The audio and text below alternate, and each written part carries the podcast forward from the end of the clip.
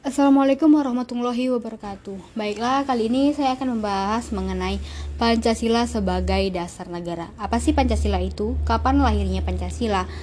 Apa implementasi Pancasila bagi bangsa dan bernegara?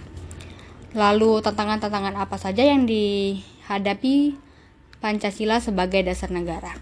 Baiklah, secara umum, dasar negara merupakan suatu sikap hidup atau pandangan hidup suatu bangsa dan negara Dasar negara juga diartikan sebagai politikal filosofi atau filsafat negara yang kedudukannya sebagai sumber tata tertib hukum negara atau sumber dari segala sumber hukum. Lahirnya Pancasila pada tanggal 1 Juni 1945 merupakan karya yang digali dari nilai-nilai luhur yang hidup dalam kehidupan sehari-hari bangsa Indonesia dan sampai sekarang masih eksis dalam kehidupan bermasyarakat bermasyarakat dan bernegara.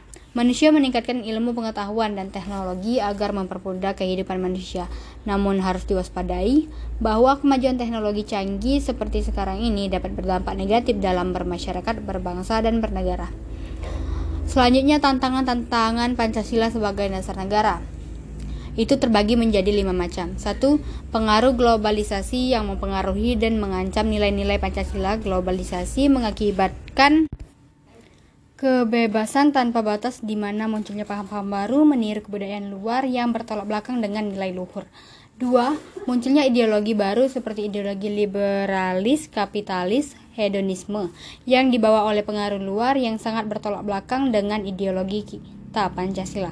Tiga, korupsi. Korupsi merupakan tantangan penerapan Pancasila pada masa Orde Lama sampai pada masa reformasi ini belum juga menemui titik terang untuk menyelesaikannya. Empat, selanjutnya adalah menurunnya rasa persatuan dan kesatuan.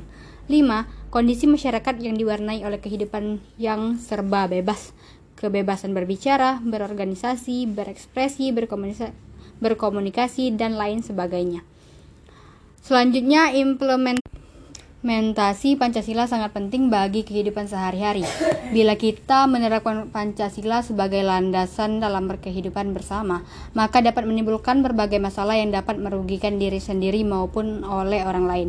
Oleh karena itu, kita tidak boleh lupa untuk selalu untuk selalu melandaskan Pancasila dan tetap menjaga keutuhan nilai dari Pancasila itu sendiri.